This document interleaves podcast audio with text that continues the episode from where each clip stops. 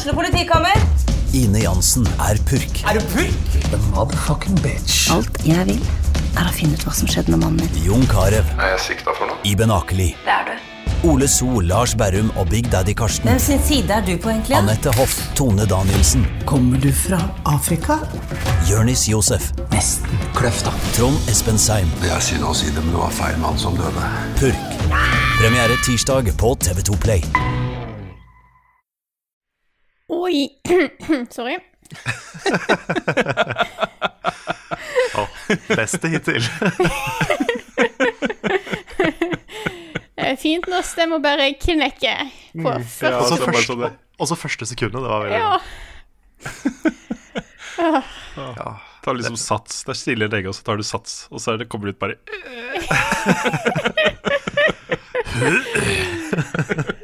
Åh, det skal ikke være lett. Og så er det jo gøy, fordi vi har det jo på tape. Yes, er vi klare Ja. en gang til, da? Yes.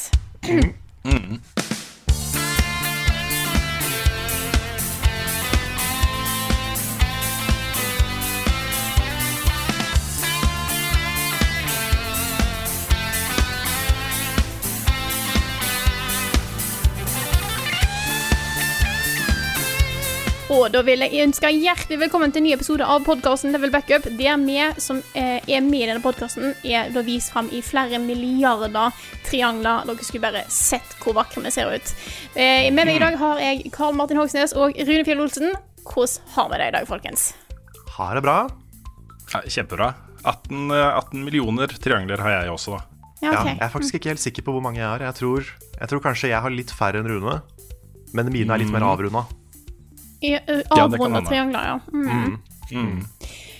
alt i geometrihjernen hos meg sier nei til den kommentaren. Men da, ellers er det eh, greit. Jeg har ikke telt mine, men jeg skal ta en, jeg skal ta en, på en, måte en eh, eh, opptelling senere på dagen, tenker jeg, bare sånn for å ha kontroll. Veldig bra. Ja. Nei, det går, ellers så går det fint. Det er um, eh, Skolen er i gang. Det er straks 17. mai, som blir kjemperart. Ja. Da er det liksom eh, åh. Klokka ett da, så skal liksom alle ut på gata i nabolaget her og synge eh, 'Ja, vi elsker'. Det er liksom foreslått et sånn opptog med to meters avstand og hele pakka fylle gatene, på en måte. Mm. Søstera mi og familien kommer på besøk, og vi skal liksom bare sitte på plenen her utenfor. Og jeg er litt stressa, altså, fordi dette her blir Dette her blir en liksom prøvelse, tror jeg, for eh, Korona-Norge. Ja, Hvor eh, Ja. det er helt sant. 17. mai er viktig for folk. Jeg tror eh, her oppe i Trondheim så blir det veldig spennende, fordi det er jo meldt drittvær, og nå er det jo fortsatt snø her oppe. Eh, Ja. Sånn at eh, jeg tror folk sine kanskje tanker om at kanskje vi kan være ute går i dass, og da er det enda flere som kommer til å være inne, og kanskje enda tettere oppå hverandre. Så jeg er spent på å se Mm. hva som skjer. Mm. Ja, for det er litt den derre folk, Ja, folk vet at uh, det er smittefare og sånne ting, men, det er jo 17. mai, da. Også, det er jo 17. mai. Pavlova-kake og pølser og is og lek og flagg og alt mulig rart. Det er liksom, Den sitter litt langt inne, da. Det å droppe 17. mai, liksom. Ja. Jeg kjenner for, for min del så er det ikke sånn, det er ikke krise. Jeg har ikke sånn veldig nært forhold til 17. mai. Men uh, i går så traff jeg Bjørn for første gang siden dette her starta. Og det var, sånn, det var nesten sånn rart å se Bjørnen, for det var så lenge siden. Ja, ja. Så, um, så liksom, vi har begynt å prøve litt, da. Sånn der, nå, nå prøver vi å treffe liksom én person og sånn. Men uh, Mm. eh, det var jo nesten vi avlyste det òg, for jeg måtte sende en, melding til henne i går. Men liksom bare, jeg er litt sånn, bare så for å si fra, for jeg vet at du er litt stressa på det her. Uh, jeg er litt sånn trang i halsen i dag. Og da var det sånn Ja, ok, hvordan da? Nei, sånn og sånn. Og så, ja, men det er ikke noe sånn og sånn. Nei, det er ikke noe sånn. Og liksom, vi, må, vi måtte på en måte finne ut om dette her gikk, da. Gikk hel, gjennom hele sjekklista på symptomer, liksom. Ja, ja. Så det var bare den ene tingen, og da tok vi sjansen. Ja. Så det var hyggelig å treffe Bjørn igjen i går. Mm. Nei, det er jo sånn Norge er i ferd med å åpne litt opp igjen nå. Eh, Skolen åpner igjen, folk er, skal tilbake på jobb. Um, også i de store byene så er det anbefalt hjemmekontor, da, fortsatt eh, på ubestemt tid. I hvert fall fram til sommeren. Eh, men alt av festivaler og, og sånt er avlyst. Um, kinoene begynner å åpne igjen, med liksom veldig begrensa setteplass og spredt utover hele salen og sånne ting. Og jeg, det, jeg, det føles godt, men det er også litt sånn, jeg er litt stressa på det. Jeg syns det, um, det er litt skummelt, altså. Det er, det er viktig at vi tar dette her seriøst, for da på en måte Jeg tror det er folk har litt lett å glemme hvor viktig det er, for nå har vi vært i det så lenge. Eh, og på en måte, den verste krisen og på en måte stresstemningen har kanskje roa seg en del for mange. Um, men det er, det er jo ikke sånn at viruset er vekke eller er mindre farlig nå. Uh, jeg var vel i Sør-Korea der det var en case der en fyr som hadde dratt på noen nattklubber og utsatt flere tusenvis på smitte. Ja, det så Det er så lett for at sånne ting blusser opp. Mm. Så det er viktig at vi tar det seriøst. Selv på en dag som er som eh, 17. mai, som er jo en veldig sånn festdag, Mm. eh, så tror jeg det kan være lov til å huske på. Jeg så en, eh, jeg så en veldig sånn god plakat på Jeg husker ikke om det var Twitter eller hva det var. Men eh, om at Norge åpner jo ikke igjen fordi det ikke er farlig lenger, men fordi det er plass til deg på sykehuset. Ja. Ja. Og det er, det, det er helt sant. Ja, det er litt eh, sant i det der også. Mm. Så um, ja, nei, også, det, er fint, det er fint at folk eh, kan få litt sosial omgang igjen, men eh, eh, det er fortsatt viktig at man, folk er forsiktige. Mm. At de følger rådene fra, fra helsemyndighetene. eh, vasker hendene, ikke driver og tar på ting og klemmer på ting og kliner med ting og sånt, etter hvert som promillen går opp på 17. mai. Så mitt tips, sitt inne, spill spill. Da kommer du, da Oh, på en yeah. måte, er du safe Mhm. ganske lenge, og det er gøy. Perfekt kombinasjon.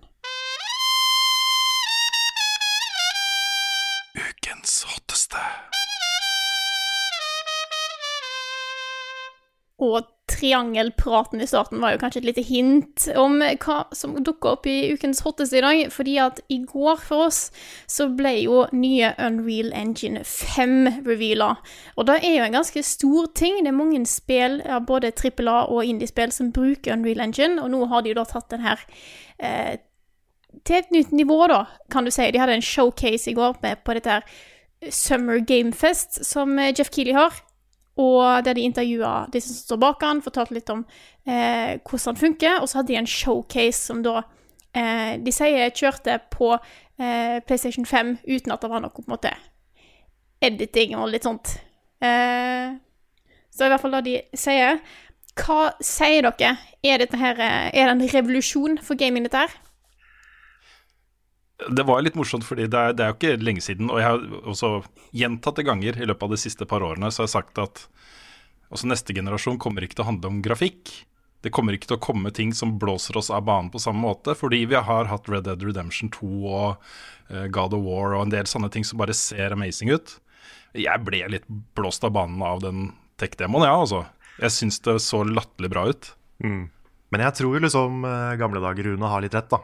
Fortsatt. Fordi eh, du har på en måte Det så utrolig pent ut, og hvis du, hvis du booster den videoen opp til 4K, så, så du får jo den wow-følelsen. Men jeg tror samtidig at de som får den følelsen, det er de som kjenner spill så godt som vi gjør, da. Fordi jeg tror en, en holdt på å si, en person som ikke er så inne i spill, vet jeg ikke om klarer å se forskjell med en gang på liksom dette her og Red Dead 2 eller Final Fantasy 7 eller liksom noen av de supergrafikk-powerhouse-spillene. Da. Fordi det blir jo mindre og mindre synlig for hver generasjon nå. Ja. Det det, det, det, er, det det er snakk om her, og det som blir gjentatt opptil flere ganger, var liksom fotorealisme. Også at, eh, at her skal man da kunne importere det de kalte uh, altså eh, kinofilm eh, assets inn i et spill uten uh, noe tap av kvalitet. Eh, sånn som det fungerer i dag, så er det gjerne sånn at du sitter i, i ZBrush, som er et av disse programmene hvor du lager assets, da, altså 3D-ting. Eh, jobber med det i ekstremt høy oppløsning og sånne ting. Og når du da importerer det til spillet, så laster du først opp da liksom en, en lavoppløselig versjon, som er det du ser når du er langt unna. Og så blir det liksom klistra på uh, et skall på denne modellen her jo nærmere du kommer. Og den overgangen tror jeg alle som spiller spill, kjenner igjen. Og husker fra spill. Det er en sånn ting man opplever. Man kommer nærmere en ting, og plutselig så er det på en måte som det kommer i fokus. Er det det som kalles baking? Eh, ja, kanskje, jeg vet ikke. Nei, jeg tror, jeg tror lightbaking er noe annet. Det, er sånn, Ok. eh, det handler om å på en måte putte lyssetting inn i en modell, på en måte. Så at okay. du, får, du får lyssatt det bedre, men du får, mindre, altså, du får mindre mulighet til å endre på det underveis. da. Ja, for de Ja. mye om det i, på tech eh, på den showcasen, så ble jeg litt usikker på akkurat hva de mente. Mm. Continue. Det er fordi det er, to, det er to teknologier de introduserer. Det ene kalte de nanite, som jo er den eh, eh, Hver piksel er en triangel eh, i liksom geometri og, og sånne ting, da, som, som, maler ut disse miljøene på, på, skjermen. Så hver eneste piksel, hvis du kjører da i 4K, så er det jo en del millioner piksler som du kan ha liksom et asset som bestemmer hvordan det skal se ut. da. Uh, og det er dette da som kan importeres rett fra uh, disse uh, programmene som, som, artistene sitter og jobber med. ikke sant? Um, jeg, jeg, er jo jeg, merker jo godt når en verden er godt realisert i spill. Altså hvor detaljrikdommen er stor, og hvor det ser naturtro ut. og og sånt. Det har noe med innlevelsen i, i, verden. Og jeg tror at selv om på en måte um, mange spill da, vil man kunne si det er nyanser når man sammenligner liksom forrige generasjon og neste generasjon. Men jeg tror allikevel at den følelsen av å være et sted kommer til å bli forsterka når, eh, når, teknologien blir bedre. Så om det er et kvantesteg, vet jeg ikke, men, eh, men jeg, jeg, når jeg så dette her, så ble jeg sånn Ja, dette er viktig, liksom. Dette mm. har en betydning, da. Ja. Uh, men det var den ene ja. Sorry. Nei, jeg, jeg, kan ta det, jeg kan ta det nå Jeg, ta, jeg kunne tatt det etterpå, men jeg tar det nå. Eh, akkurat når det kommer til da å kunne bare rett og slett importere assets, er jo viktig. Og jeg så en tråd på Reddit der det var noen developers fra trippel A-scenen, da, som diskuterte hva dette ville ha å si for eh, spillutvikling eh, når det kom til trippel A-spill. Eh, og de mente at det ville gjøre det mye lettere å lage trippel A-spill som er høydetaljert, sånn som dette her.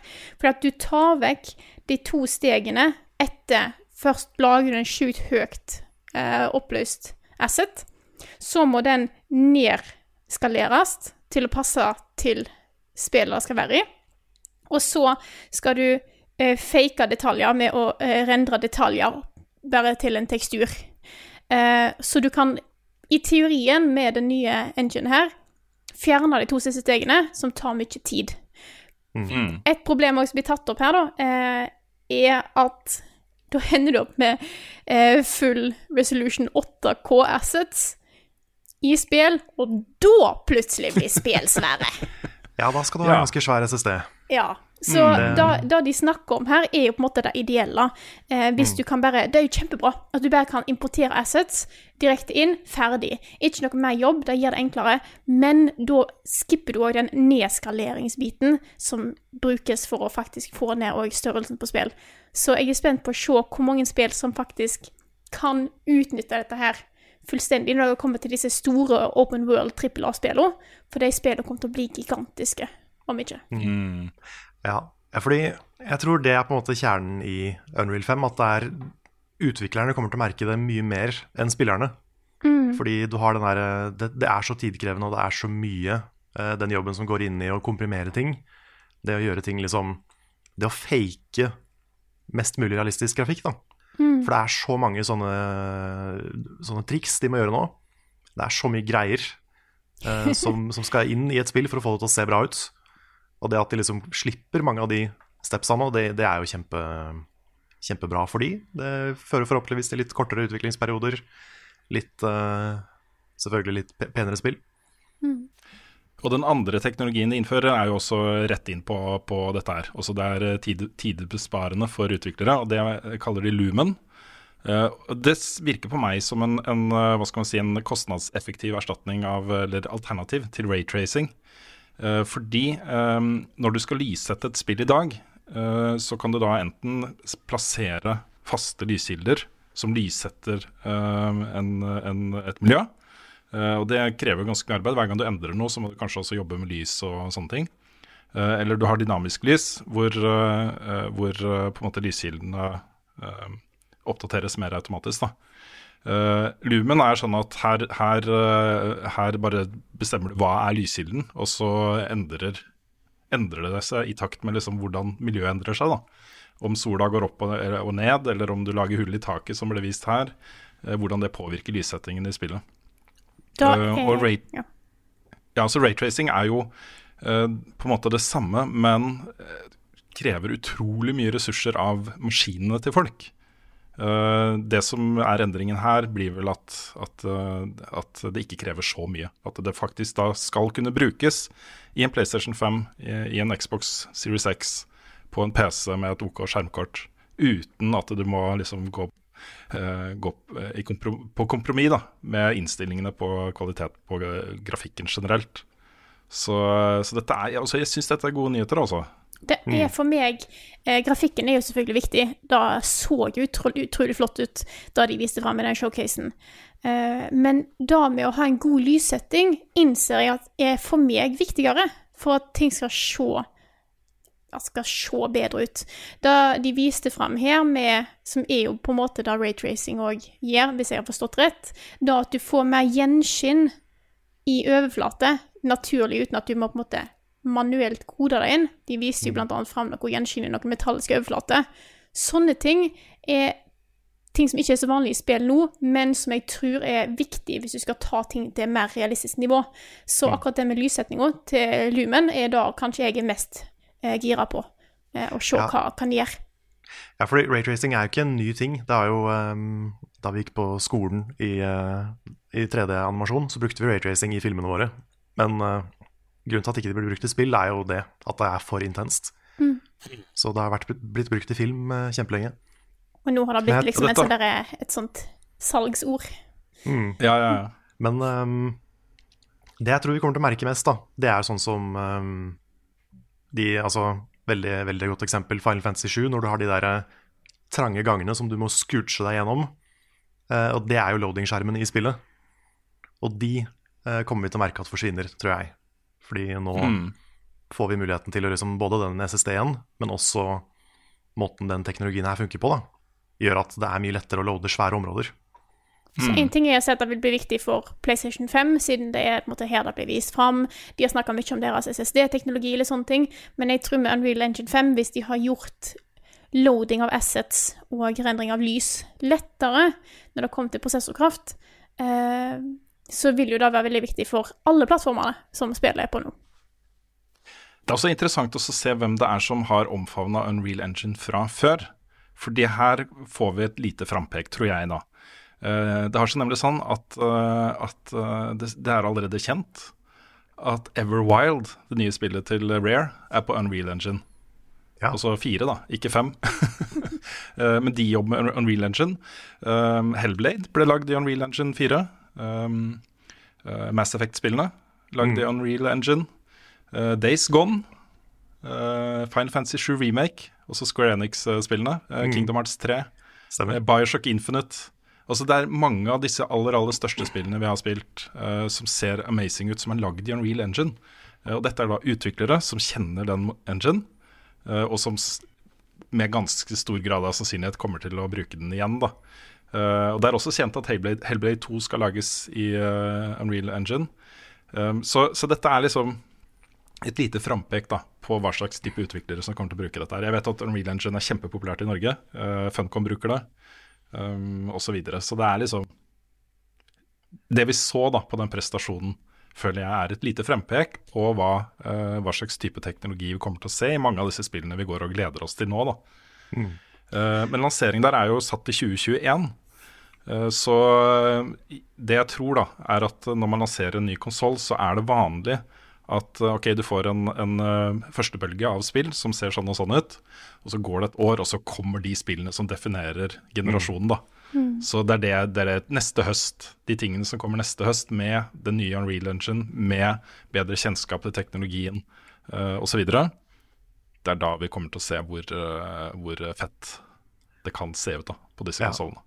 Men kommer, kommer utviklere til å ha tilgang til Unreal 5 før det, eller er det liksom det er da den kommer for utviklere også?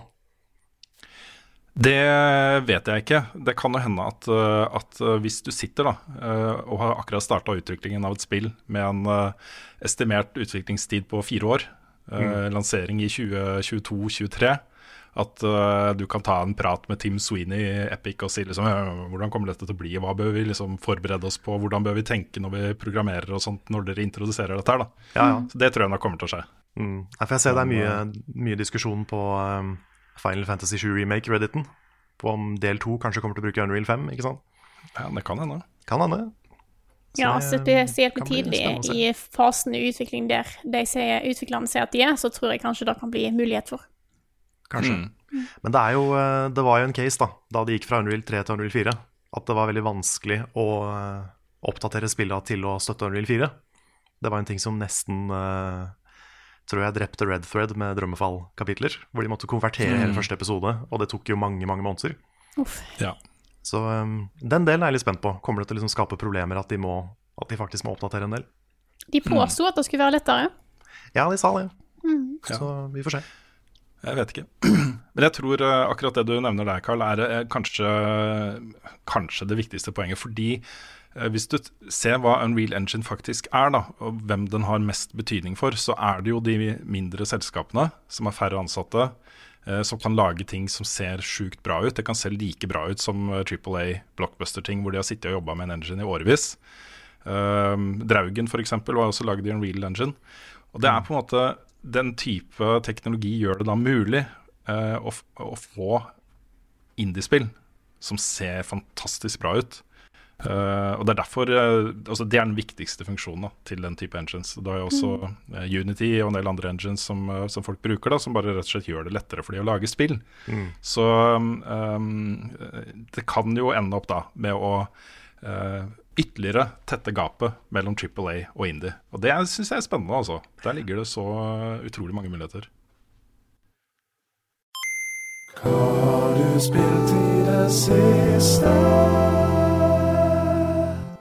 Jeg har lyst til å starte denne gangen her Det er greit, Frida. med en confession. Mm. Jeg havna på Final Fantasy Remake-kjøret.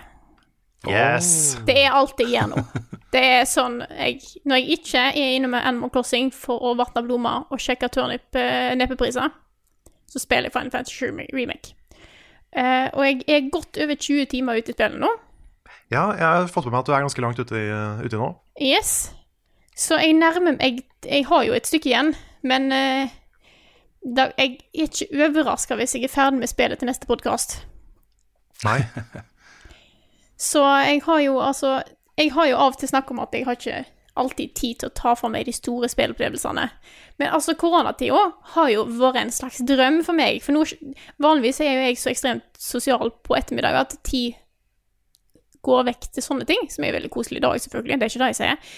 Men nå har jeg på en måte eh, kommet meg langt i Witcher 3. Jeg har spilt dritten ut av Animal Crossing, og nå er det òg eh, flere titalls timer i Final Fantasy 7 Remake. Så dette er bare meg, dette er bare jeg som bare suger til meg spill som en svamp. Det er det jeg gjør for tida. Det er ganske digg. Det er det. Du kommer til å være den eh, mest bespilte spilljournalisten i verden på slutten av 2020. Yes! Ja, for Frida er den eneste spilljournalisten som bare sitter inne og binger eh, Ja. spill om dagen. Det er, det er det jeg mener. Det er, det jeg mener. Det er Ja. bare Frida som er i den situasjonen. Selvfølgelig. Ja. Yes. Men eh, vil jeg- jeg hva syns du? Jeg syns eh, jeg, jeg liker eh, storyen. Jeg liker cutscenesa. Jeg liker karakterene. Jeg elsker combat-systemet. Og resten er litt sånn eh, mm, Mm, Fordi at det, det er noen Jeg tror jeg nevnte det forrige gang. Det er noen eh, tidspunkt i spillet der det bare er tregt og kjipt. Jeg syns ikke alltid at sidequestene er så bra laga eller gøy å gjøre. Jeg syns det er vanskelig å finne fram. Jeg syns av og til det er vanskelig å se hvor jeg skal gå. Så det er litt sånn irritasjon imellom alt dette her.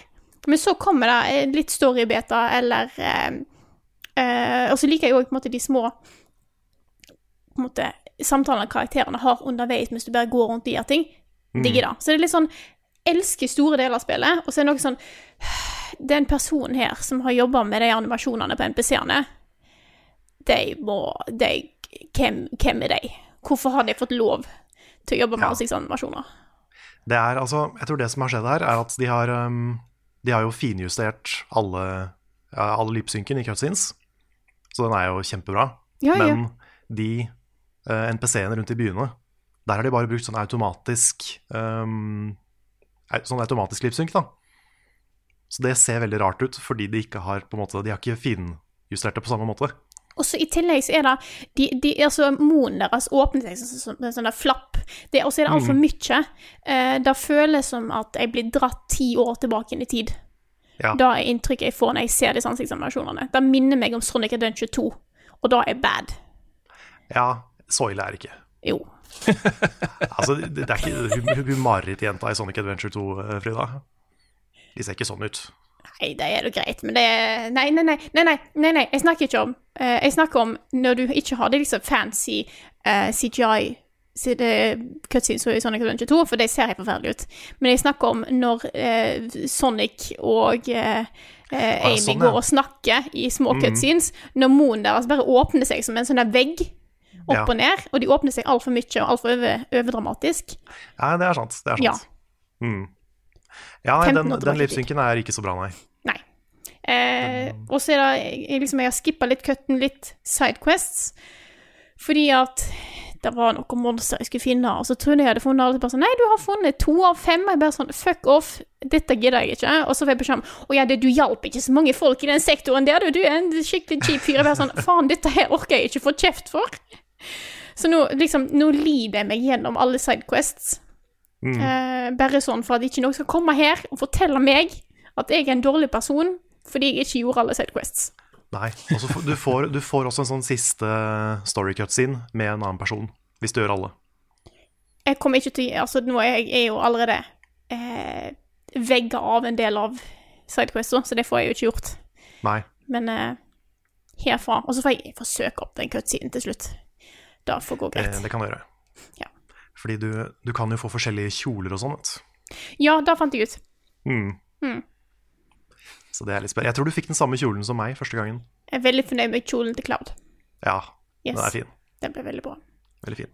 Jeg gleder meg sånn til den scenen. Jeg, bare sånn der, jeg vet på et tidspunkt at nå skal Cloud i kjole, og så, så skjedde det. Hei, hei. Ja. Men hele Wall Market-delen syns jeg er veldig bra. Mm. Sånn eh, For den var litt sånn I originalen så var den litt sånn derre ha-ha, mann i kjole er gøy. Mens her så er det mye mer sånn derre Det er nesten litt sånn koselig. Og så elsker jeg hvordan Cloud er så ekstremt Han bare sånn der Dette skal ikke vi snakke om. Dette, dette acknowledge meg òg. Ikke engang. Ja. Mm. Men han er liksom, jeg syns ikke han protesterer så mye heller. Det er liksom sånn derre Ja, jeg naila det. Mm. det er bra jobba, liksom. Mm. Så, Nei, så, um, så da er det jeg har eh, Egentlig det jeg har gjort. Jeg har òg gått hardt inn på det er den du har blitt, Frida. Det er den jeg har blitt. det er den du har blitt. Mm. Så, så sånn er det. Så tenkte jeg Yeah. bare å nevne det. Yes. Da Ja. gir jeg ordet videre. Skal jeg Ja, ta, skal ta over? jeg Det er samme for meg. Ja, begge to Ja. på en gang, gjerne. Så kjør. Ja. Nei, Mm, eh, det, det kan være. Det Kan være. Nei, du bestemmer, Frida. Rune. Ok. Ja, Da kan vi begynne med noe vi har spilt begge to, da, Carl. For vi Ja. eh, satte oss ned på mandag sammen med Nick og Svendsen og spilte Deep Rock Galactic. Stemmer. Um, det er et spill som har vært liksom sånn i periferien min, i sidesynet mitt, en stund. For det har vært ute i Early Access på PC, og det har fått massevis av fans. Folk som spiller det og elsker det. Uh, men nå er det da ute i 1.0-versjon på PC og på Xbox One. Um, det er danskutvikla, inspirert av Minecraft og Horde Mode uh, i diverse spill. Hvor uh, du tar da rollen som en uh, dwarf. Også en sånn uh, tøff dwarf. En uh, skikkelig sånn fantasy dwarf. Ja, Med altså, masse skjegg. Med masse skjegg, eh, hvis du vil, da. Du kan jo barbere skjegg og bare ha bart og sideburns og sånt uh, isteden. Eh, jeg har ikke låst opp så mye der, men jeg ser på skjeggfanen i uh, customization-menyen, så var det mange blanke, blanke spots. Det er sant. Det er sant. Ja. Eh, Du er da en del av en sånn mining outfit ute i verdensrommet. Du er på et eh, sånn skikkelig tøft romskip, og du skal da lande på eh, diverse planeter og måner og asteroider og mine dritten ut av den. Mens du gjør det, da, så er det jo da aliens som ikke vil at du skal være der. Så da blir det liksom Du miner, og så blir det en sånn horde mode, og så miner du mer til du når målet ditt, og så skal du liksom extracte, da. Um, veldig gøy, altså. Kjempeartig. Ja, det, det var det. Så var det veldig gøy å spille det i fireplayer, som vi gjorde. Og det, spesielt i øyeblikket når, eh, når du har fått alle ressursene du trenger, så får du en timer på deg til å rømme fra planeten. Og da kommer liksom hele planeten etter deg. Så det kommer, det kommer liksom edderkopper ut av veggene og sånn. Oh. Så det er, liksom, det er freaky, men det er litt kult òg. Ja. Så eh, jeg likte det kjempegodt. Mm, jeg syns det var De har naila tonen. Altså, det, det er på en måte Hvis du bare hadde gjort det, hvis du bare hadde landa på planeter og mina og skutt ting, og så var det neste planet, så, så kunne det kanskje ha blitt litt ensformig. Men det at du har så mange sosiale ting altså Du har en bar på, på den romstasjonen du jobber på. eh, hvor det er en jukebox, og du kan, du har et dansegulv, og du, det, det er masse sånne småting du kan gjøre. da eh, som handler bare om at du er sammen med tre kompiser, og dere har det gøy sammen. Eh, jeg, ja, jeg har lyst til å spille mer. Jeg vet at Nick eh, ble veldig gira på det. Så han, eh, jeg tror han sitter og spiller litt mer. Det kan hende at det kommer en anmeldelse etter hvert. da. Men foreløpig så er det da den eh, du har klippet sammen, den timen vi spilte sammen, timen halvannen, mm. til en sånn Level Up spiller-video som er ute på kanalen vår. Og, Stemmer. Ja. Så den er ikke halvannen altså. time, halvannen time lang, men den er sånn, jeg tror jeg kutta den ned til sånn litt under en halvtime. ja. Så uh... Det var et veldig veldig hyggelig bekjentskap. Dansk utvikla, mm. kremspill. Så check it out. Jeg må gå videre til noe jeg ikke har spilt, fordi jeg syns det er verdt å nevne det. Eh, og det er jo da uh, Destiny 2. Hvor Ok, hør her. Jeg har klag, dere har fått med dere at jeg har klaga litt på, på utviklingen der i det siste. Det hadde noe som het Guardian Games, som var liksom uh, Bounties the game. Hvor du skulle bare gjøre alle de tingene du har gjort i en evighet. Crucible og Forge og Strikes og sånt for å gjøre for å sjekke av sånn at du kan levere medaljer, og så får du ting igjen for det. da Eh, Og det var, det var liksom bare en grind, en grind som ikke var noe gøy engang, og som jeg ikke jeg kommer ikke til å bruke. Det class-itemet som, eh, som jeg fikk da til slutt en gang. mm. så, så det var sånn Endelig over. Ok, jeg, jeg er ikke stolt av det, men jeg fullførte det. Nå kommer det da en ny Quest på tirsdag hvor du skal få Fellwinters Lie. Det, den tøffeste, kuleste shotgunen fra Destiny 1 kommer tilbake i en egen Quest som er datamina litt på forhånd. Og det er sånn Yes! Sette tenna i en skikkelig kul Quest. Dette trenger jeg i det spillet her nå. Og så er det Første steg av den questen er at uh, spillerne i fellesskap skal gjøre uh, Altså det blir litt vanskelig å eh, tallfeste akkurat hvor mange det er, men tallet er da tre millioner Seraph Tower-events på hver av de tre lokasjonene. Altså ni millioner um, millioner Seraph Tower-events for å gjøre første Quest. Og etter da to dager så viser det seg at hvis uh, dette fortsetter For folk er jo sånn Dette gidder jeg jo ikke gjøre. Nå, altså, nå skal vi vise Bungie at ikke gjør det her, liksom. Uh, så det er folk har lagt ned, uh, lagt ned våpnene sine. Bare sånn nekter å gjøre det. Og hvis det fortsetter i det tempoet her, da, som disse eventene fullføres, så blir det jo ferdig langt ut til neste sesong. Fy Det er bare 20-30 dager igjen av eh, sesongen, ikke sant. Så, så det er litt sånn derre Ja, jeg, jeg har ikke gjort ett. Jeg har ikke gjort et eneste public event. Men jeg tror, fordi første Quest-step her heter The Lie, eh, og du blir liksom bedt da om å gjøre dette her Jeg har en mistanke om at det ikke er meningen at vi skal gjøre det. At, å klare det. Jeg har en mistanke om at det kommer en eller annen twist som gjør at Hæ, bare kødda. så, så vi får se. Selv om det Eh, viser seg å stemme, tror du eh, spillerbasen fortsatt vil ha tillit til, til Bungie? Folk er sure nå også. Folk er sure nå. Altså, det er noen sanne som meg da, som er sånn Ja, jeg, det, det er kjipt at det innholdet er der, eh, og at det er sånn tørke på nye ting. Men eh, da er altså, jeg, min holdning er bare ikke spill det, da. Det er ikke så viktig om ikke du får den der Grandmaster-tittelen, og uh, om du fullfører Guardian Games og sånt. Vent til det kommer noe nytt som er gøy, et nytt raid, eller hva du nå liker å spille det spillet her. Vent til de fintuner trials så det blir mulig å faktisk spille det og kose seg med det. Det er, liksom, det er ikke vits å spille det. Man, man må jo ikke spille det. så de som klager mest og er mest sure, er jo de som, som ikke klarer å ha den holdningen til eh, det spillet. Mm. Eh, så ja. Det, er- det er noe med det kvantitet over kvalitet-greiene med MMO-er som jeg sliter litt med noen ganger. Jeg skjønner, liksom, jeg skjønner hvorfor det er sånn, fordi folk lever jo i de spillene her. Og vil ha nye ting å gjøre hele tida. Men uh, jeg kjenner liksom at jeg vil heller ha Jeg vil heller vente på bra content enn å bare hele tida få noe dritt. ja. Jeg er eh, enig. Jeg har fått sp- spørsmål fra Einar Totland da, om jeg kommer til å gjennomføre alle seks eh, Grandmaster Nightfall for den tittelen. Og det de har innført der, er jo uh, det, det som kan kalles en sånn streamingvennlig mode. Hvor ting er bare overdrevet vanskelig. Og rewardsene du får for det, ikke er på en måte verdt det. Så jeg har ikke gjort en eneste av dem ennå. Men det er jo de Nightfall-versjonene der er jo skrudd opp til, uh, til 1050. Men du blir cappa på 1025, så du er liksom 25 levels under fiendene du møter, og er, alt er bare vanskelig. Uh, og du har 45 minutter på deg til å komme gjennom Nightfall. Uh, nå skal det jo uh, de, de seks Nightfallene som er sånn, skal, skal bli tilgjengelig samtidig mot slutten av sesongen. Jeg har snakka litt med Bjørn om at kanskje vi skal liksom få med en til og prøve oss, liksom. Men jeg tror ikke det, altså. Jeg tror ikke det. Så vi får se. Det er, ja. det er, Destiny er ikke på et bra sted akkurat nå. Men jeg er helt sikker på at de kommer til å snu det, og at da kommer folk til å bli fornøyd igjen. Så bare vente på det. Mm. Jeg har da ellers også da, eh, på en måte runda Assassin's Creed Odyssey. Fått alle de tre, eh, fullført alle de tre Quest-linene der. Eh, strålende fornøyd. Jeg syns fortsatt det er for stort. Ja. Det er for mye, for beefy. For mye liksom helt meningsløse ting som ligner hverandre og du har gjort 100 ganger før og ikke noe vits å gjøre og sånne ting. men jeg er tross alt da fornøyd med at ikke de tingene var inkludert i det Platinum Trophy som jeg endte opp med å få. Hvor de, de kunne jo satt liksom clear alle fortene. Uh, ja. Clear alle bandittcampene. Mm. Det kunne jo vært en sånn trophy for det, ikke sant? Det kunne det. Det er nesten rart at det ikke er det, for det er sånn typisk eh, open world-spill. Nettopp. Um, jeg, jeg, jeg, tar det som et tegn på at de har liksom på en måte skjønt at det var, kanskje var litt mye. mm. men, ikke, uh, men, jeg liker da at de har uh, gått ut og sagt at Assassin's Creed Valhalla ikke kommer til å bli det største Assassin's Creed-spillet. Ja, det er like mm. greit. Det er faktisk ja, og, godt å høre. Ja, de har til og med sagt at det er basert på feedbacken om at det var for mye filler i Odyssey. Ja. Uh, så, så, der har de tatt til seg noe, tror jeg, da.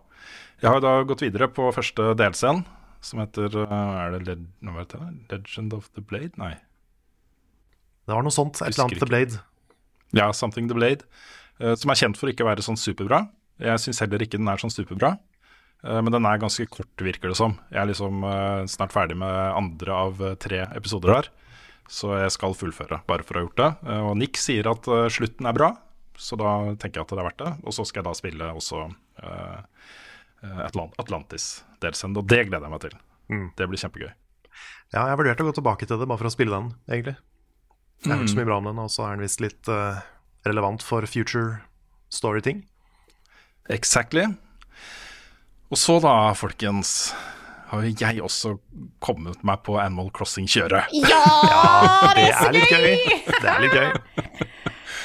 det er uh, altså jeg, um, jeg, er ikke så fanga ennå at jeg tenker dette er kommet til å spille resten av året. Uh, fordi uh, jeg, jeg, tror kanskje jeg fikk Også min avhengighet av det spillet fikk en liten knekk etter at du var på øya di, Carl. Oh, ja. Og så hva du har gjort med den. Ja, men ikke, ikke la det, fordi det skjedde med meg òg. Jeg gikk på ja. Twitter og følte meg så utrolig mindreverdig av å se alle de andre sine øyer. Mm. Men det er en sånn ikke, Prøv å ikke tenke på det. Don't let it get to your head. Folk, noen folk gjør sjukt mye. Og grunnen ja. til at min øy ser ut som den gjør nå, det er fordi vi skulle lage en video vi skulle vise den fram. Så jeg har, liksom blitt, jeg har latt meg motivere at liksom, jeg har lyst til å imponere. Jeg har lyst til å liksom Dette er mitt første Animal Crossing. Jeg har lyst til at det skal være fint her. Uh, og jeg har lyst til å, ikke minst Eh, bli godkjent av uh, Senpai Frida når du kommer til Animal Crossing. du, ble, du ble veldig godt godkjent, forresten. Takk for det. Ja, det, var, det, er helt, helt absurd hvor stor forskjell det er på øya vår og øya deres. da det er liksom, det her, Vi har ikke tenkt noen ting. Det er jo ikke begynt å planlegge. Nei, men da skal du ikke heller. Det er Nei, veldig viktig å si. Ja. Jeg har er... over 40 dager vet du, i spillet. Ja, nettopp. Med progresjon. Du har, jo, du har slitt med, ja, for du har slitt med progresjon. Ja, og da, ta, da, tar jeg et spørsmål fra Martin Rotmo, som er veldig relevant for meg. Uh, han skriver uh, både jeg og samboeren spiller uh, Animal Crossing på Switch. Problemet er at hun startet spillet først, og er derfor sjefen over øya. Hun spiller mindre enn meg, og jeg må derfor vente på henne før jeg får noe progresjon i spillet. Yes. Og sånn er det her. Mm. altså, jeg har jo muligheten til å i ledige stunder midt på dagen eller på kvelden etter at hun har lagt seg, sette meg ned og bare ta gjøre litt greier i Animal Crossing. Uh, få litt progresjon på Quests og sånne ting. Men det er jo jeg er ikke engang sikker på hvem av de to ungene som starta det spillet. Og de er ikke sikre selv heller, fordi det er jo sånne ting som at uh, det var ingen av oss som hadde til, tilgang til uh, blueprinten for den derre Simple Axe. Og den spaden, første spaden. Det var ingen av oss som hadde den. Så måten vi måtte få til det på, var at vi måtte da reise til en sånn Nook Miles ticket-øy og kjøpe, kjøpe en øks for Nook Miles der, av han piloten. Eh, For å kunne da begynne å hogge eh, trær og eh, få ved og få flere recipes og sånt på det. da Og så kjøpte jeg de uh, Simple-greiene av deg, Carl, da jeg var på øya di. Så nå har jeg det, da. Men ungene har det jo ikke. Ungene har jo ikke de oppskriftene Det virker som at det er et eller annet som har gått galt her. Jeg Ja. tror det er en Ja. Quest ikke har gjort. Ja, ja for i jeg tipper tillegg- enten, ja, jeg tipper enten Mika eller Sam har fått en Quest av Tom Nook, eller de barna, eller et eller annet sånt. Og så Ja. har de sikkert glemt den. Ganske sikker på det. For i tillegg, da, så er det jo høst på vår øy.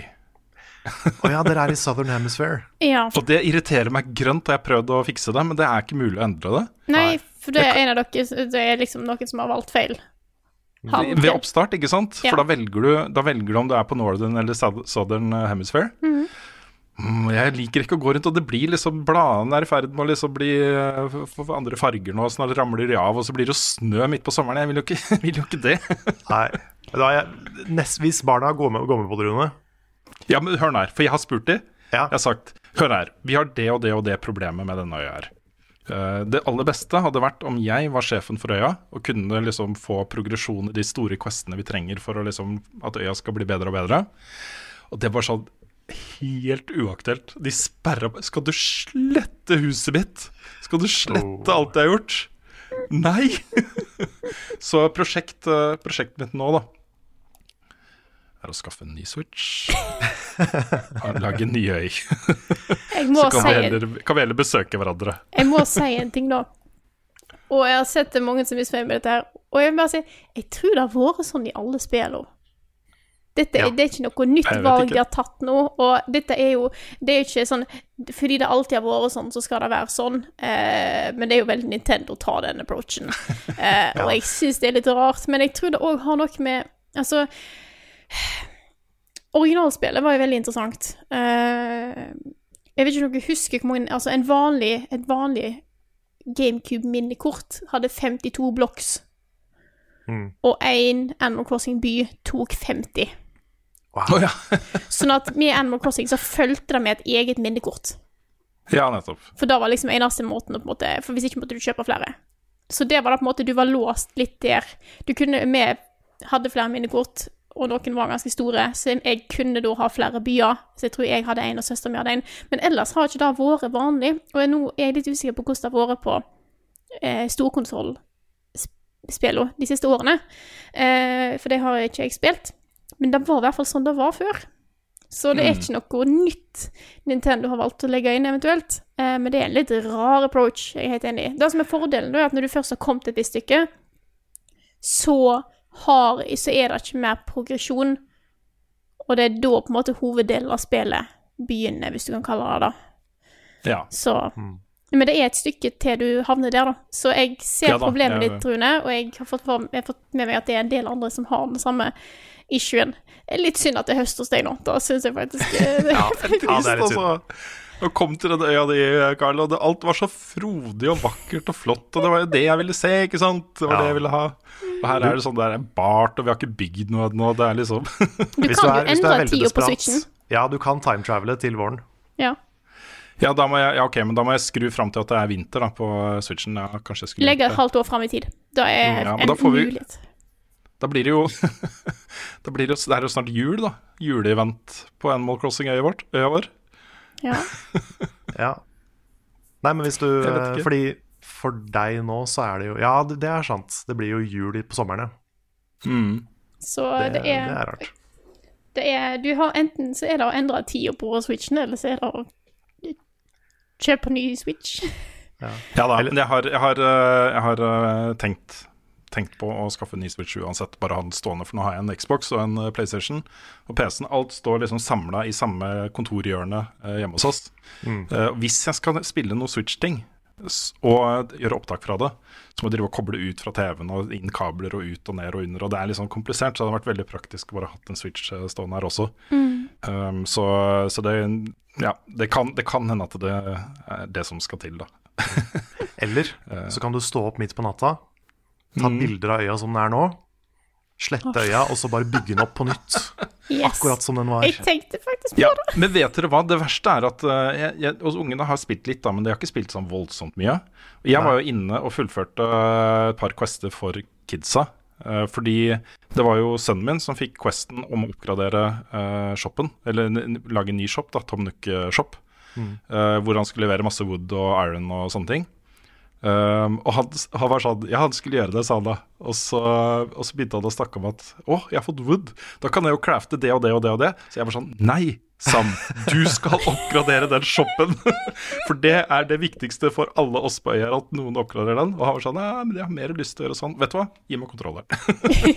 så gikk jeg rundt og hogga trær og fullførte og leverte alt og sånne ting, da. Da jeg ville, det jeg ville sjekke, Rune, hvis det er en Quest som har, eh, de har mista en plass, gå og snakk med Tom Nook og spør 'What should I do?' Ja. Da kan det være du får hint. Jeg skal gjøre det på, på begge de to, for jeg er fortsatt usikker på hvem av de som faktisk starta øya. I og med at de ikke husker det engang heller, ikke sant. Ja, men hvis, hvis Sam fikk den questen, så kan det hende at det er Sam. Ja. Ja, det er mulig. Det, det er mulig. Nei da, men det var en uh, opptur for meg, da, å uh, komme fra øya di, Karen. Med sånn eh, stav som jeg kunne hoppe over elver, og stige som jeg kunne klatre opp. Ja, ja, for det at ikke du har det, det er jo krise. Mm. Nei, det tar jo tid. Da får du jo ikke før etter du har fått uh, Før Bladders har kommet og sånt. Nei, får du ikke den stanga med en gang? Nei. Jeg, mente, jeg trodde jeg fikk den sånn første dagen, men kanskje det tok et par dager. Du får den når Bladders kommer, og så sier han 'Å, vi skulle gjerne hatt dere et eller annet, et eller annet fossil'. Da er sikkert på andre sida av elva, her er en pinne. Mm. Mm. Ok. Ok. Ja. Men jeg liker det. Jeg, synes, og jeg skjønner så godt da at dette har blitt et sånn koronaspill. Et Ja. spill som har prega hverdagen til eh, veldig mange mennesker verden over. Dette er eh, Dette er et spill folk kommer til å huske lenge. Og den øya folk lager seg, og det, det arbeidet de har gjort med den, og alle de tingene, det kommer til å bli et minne for livet. da.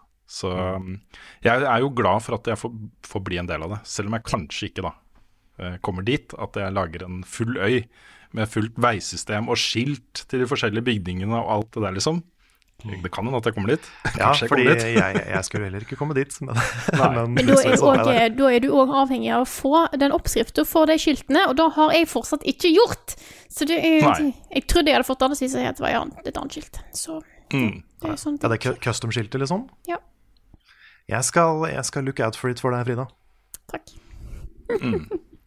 Ja, det, var, det var meg. Vi har liksom uh, andre ting å snakke om, men det må komme senere, for det kan jeg ikke snakke om ennå. Nei. Så hvis folk lurer på hvorfor vi ikke snakker om det, så er det rett og slett fordi vi venter på at uh, det er greit å snakke om det. Riktig. Krypti, var det kryptisk nok, eller? Det var Ja. kryptisk nok. Mm. Men uh, jeg kan jo skyte inn da at jeg har nå starta på prosjekt Blå rose i Animal Crossing. Oh. Og jeg har, fått en, jeg har funnet en fire-step-guide på YouTube som handler om å liksom uh, breede forskjellige roser. Uh, så få, få de til å liksom hybridisere seg med andre roser. Og det, er jo, det tar jo sånn 90 in game-dager, tror jeg, Wow. Oi. å få den rosa. Men uh, jeg har i hvert fall begynt. Så nå jeg- bare passer jeg på å vanne blomstene hver dag, så kanskje en dag så har jeg blå rose. Ja. Nei, jeg, har, jeg fant en sånn fin sånn et bilde som viste den blomen på den blomen blir denne fargen, den blomen på den, og den blomen blir denne fargen. Så den driver jeg opp mot det. Vanligvis, eller så langt har jeg hatt det litt sånn random, og så har jeg fått det jeg har fått. Jeg har fått en del svarte roser, eller sånne ting. Eh, men nå har jeg faktisk gått litt mer inn for det. Så nå følger jeg den sjekker at jeg har at de rette blomstene står rett med hverandre, sånn at jeg kan få de fargene jeg mangler. Yeah. Det er viktig. Og så har vi jo, vi har jo bygd studio. Det var så fett, det. Det var, jeg var så heldig med hva jeg fikk, fordi jeg liksom Uh, jeg, jeg begynte å få sånne studiolamper og sånn, så tenkte jeg hm, jeg kunne kanskje lage en litt sånn studiogreie i kjelleren. Og så kom det mer og mer ting, og til slutt så bare merka jeg at shit, jeg kan jo lage et ganske kult studio. Hva skjer hvis vi liksom tegner spilluka-logoen på gulvet? Hva skjer hvis vi lager level up wallpaper? Og så ble det liksom et studio. Og det brukte vi til å spille inn spilluka denne uka her. Det var kjempegøy. Ja, det var, det var så kult. Altså. Det kommer vi til å fortsette med å gjøre. Ja, det er fortsatt eh, det er oppdatert enda litt mer siden vi gjorde det. Nå har vi fått en bitte liten VGTV bak oss. Nice. Så eh, det jeg ser etter, er den svære 50-tommers VGTV-en. For jeg har en 50-tommers Ja. Men den er på gulvet. Så jeg må ha den som er på, på veggen. Mm. Så hvis du har en, eh, skriv det i kommentarfeltet under eh, på, på YouTube. Eller send Ja. oss en melding på Facebook. Hvis du har lyst til å, donere en svart eller rød 50-tommers TV som vi kan ha på veggen på, i studioet vårt, så eh, let us know. I Animal Crossing. Jeg bare har sagt at dette er Ja, Animal Crossing. ikke på ordentlig. Jeg skal, jeg skal ikke ta imot en 50-tommer gratis på ordentlig. Uansett om vi har fått tilbudet, så hadde jeg ikke hatt samvittighet til det. Men eh, jeg har også fortsatt å spille Streets of Rage 4. Ja. Og det spillet blir jeg bare mer og mer glad i, egentlig. Det er på en måte alt det de gamle spillene på Megadrive var, bare bedre. Det, det er sånn Jeg kan liksom med hånda på hjertet si at det er det beste Streets of Rage-spillet. Og det er litt kult, for jeg har et ganske varmt forhold til de gamle. Men det her tar bare alt til nye høyder. Det er liksom dritpent. Det er kule gameplay features. Fordi du har jo det veldig um, veldig enkle systemet fra de gamle. Med at du, du, har et par forskjellige slag og et par forskjellige spark, og du kan hoppe og sparke, og du kan sånn og sånn. Men du har også en sånn special move-greie som bruker din egen helse til å slå hardere. Men du mister ikke helsa helt. Men hvis du blir treffet mens du gjør det, da mister du mye helse. Men hvis du klarer å bruke special moves og ta ut en fiende, så får du den helsa tilbake, så det blir litt sånn gambling. Litt sånn uh, Gambling er et stygt ord, men det, det blir sånn uh, Det blir sånn risk reward, da. Mm. Med at du, uh, du, må være litt vågal for å bruke special moves, men du kan også bli belønna for det. Og det, det, gjør det litt mer spennende. Og så har du fiender som uh, tas på forskjellige måter. Du har noen som har sånne skjold, sånne riot shields, som uh, du må slå lenge på for at de skal knuse. Så da må du være mye mer offensiv. Og du har en level der hvor uh, politiet slåss mot gjengmedlemmer, og alle slåss mot deg. Så du kan på en måte la de slåss mens du slår på andre, og det er sånne type, sånne type ting. da. Så de har på en måte tatt Streets of Rage, lagt inn masse gøy, og en uh, super cheesy comic book-historie, der hvor stadig flere gamle characters dukker opp, og du låser opp nye etter hvert. Og det er, det er sykt stas. Så jeg er så positivt overraska over Streets of Rage 4. altså. Så gøy. Jeg vil, bare, jeg, bare, jeg vil, bare, komme tilbake til noe jeg sa i stad. Jeg, jeg, vil bare si at jeg er ikke negativ til Final Fantasy 7 Remake. Jeg syns hele spillet er veldig bra. Jeg vet jeg, kan, jeg hørtes litt misunnelig ut. Det er bare noen ting som jeg har hengt meg litt opp i. Resten syns jeg er veldig veldig gøy, og jeg er sjukt investert i historien eh, og gleder meg til å finne ut hva det er som faktisk skjer. Så jeg vil bare kaste det ut der, sånn at jeg ikke eh, bare sitter her og er negativ. Jeg vil bare Og alle bare skriver 'Frida hater Fine Fantasy 7'. Ja. ja da blir nye overskriftene på alle avisene. Eh, Spilljournalist Frida eh, har, eh, er sjukt dedikert til et spill hun hater. Denne er jo kjempebra. Ukens anbefaling. Jeg er spent, Rune. Er det, er det TV-serie? Ikke TV-serie, ikke TV-serie. Oh, okay. Det er uh, Jeg har jo uh, Altså, jeg vil ikke si at jeg kan mye om musikk. Uh, eller at jeg er veldig oppdatert med alt som kommer og sånt. Men jeg er veldig glad i musikk. Men mitt forhold til musikk er noe sånn at, at, at det kommer et album eller en låt eller en ny artist jeg oppdager, som blir på en måte soundtracket mitt for en periode i livet mitt. Uh, du har uh, uheldigvis, på en måte, selv om det er et fantastisk album, så er jo Canny West er jo soundtracket til da dattera mi ble født, min førstefødte. Det gikk, da ikke jeg hørte på det albumet som kom da hele tiden. Så de, de sangene vil alltid for meg da være forbundet med at jeg får barn. Og nå, da, i denne vårparten og koronatida og alle disse tingene her, så, så, har jeg fått en ny sånn artist og en ny låt og et nytt album som, som jeg hører på hver dag. Mange ganger om dagen. Uh, så det er da min anbefaling. Og dette er, dette er jo ikke noen uh, ukjent artist eller ukjent låt. Og jeg tror nok at uh, når jeg sier hva det er, så er det mange som kommer til å nikke gjenkjennende, som også har den låta her og den artisten her som, som vår koronaartist. Og det er da The Weekend, som kom med et nytt album tidligere i år som heter After Hours. Og hvordan den store hiten Blinding Light, den er liksom overalt. Den er altså Uh, jeg, jeg, hørte på albumet da det kom, noen ganger, og fikk ikke helt tak på det. Og så begynte jeg å høre den Blinding Light-låta mer og mer overalt, og så ble jeg fullstendig oppslukt i den. Uh, og så begynte jeg å høre på albumet, og albumet også kjempebra. Og det er jo flott, da, at jeg kan ha en, et uh, soundtrack til livet mitt som passer så godt til den jeg er. For han har jo sånne tekster som det er lett å kjenne seg igjen i, og som er veldig relevante for sånne som meg. F.eks. sånn So much pussy it be falling out the pocket. Ja. Det er sånne ja. ting som jeg opplever hver eneste dag. Liksom. Ja, Det problemet har jeg også hatt mye av. Mm. Mm. Mm. Og det at jeg har liksom sånn 20 millioner dollars mansions som jeg aldri er i, og der er det noe sånn endless pool og sånne ting. Vet du, Jeg får ikke brukt det poolen, for jeg er jo aldri der. Nei, det er ikke Så lett det er liksom sånne Ja, nå, nå, skal det sies, da. At uh, det er litt lett å kokettere med at disse her superstjernene som tjener millioner på millioner på millioner av dollars, ja, og de har det så fælt. Men mange av de har jo det, da. Og jeg, jeg tror på en måte han, Mange av tekstene til, eh, til The Weekend handler jo om et sånn dårlig selvbilde, og at han, sånn, uh, han er ikke så glad i seg selv og uh, innser at han er, han er en låt som heter 'Heartless', som den tekstlinja er fra.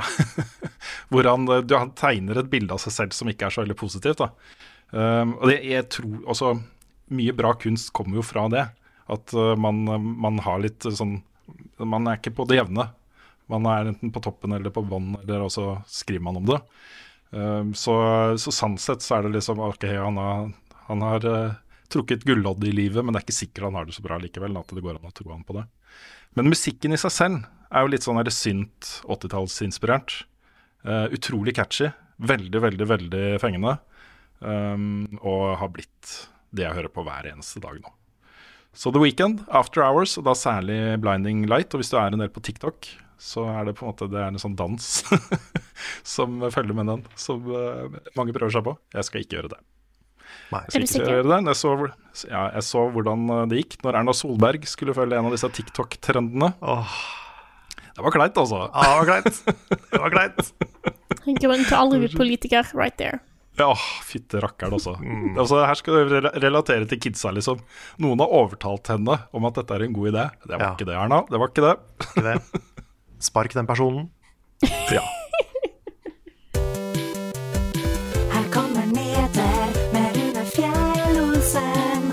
Han har ikke hår.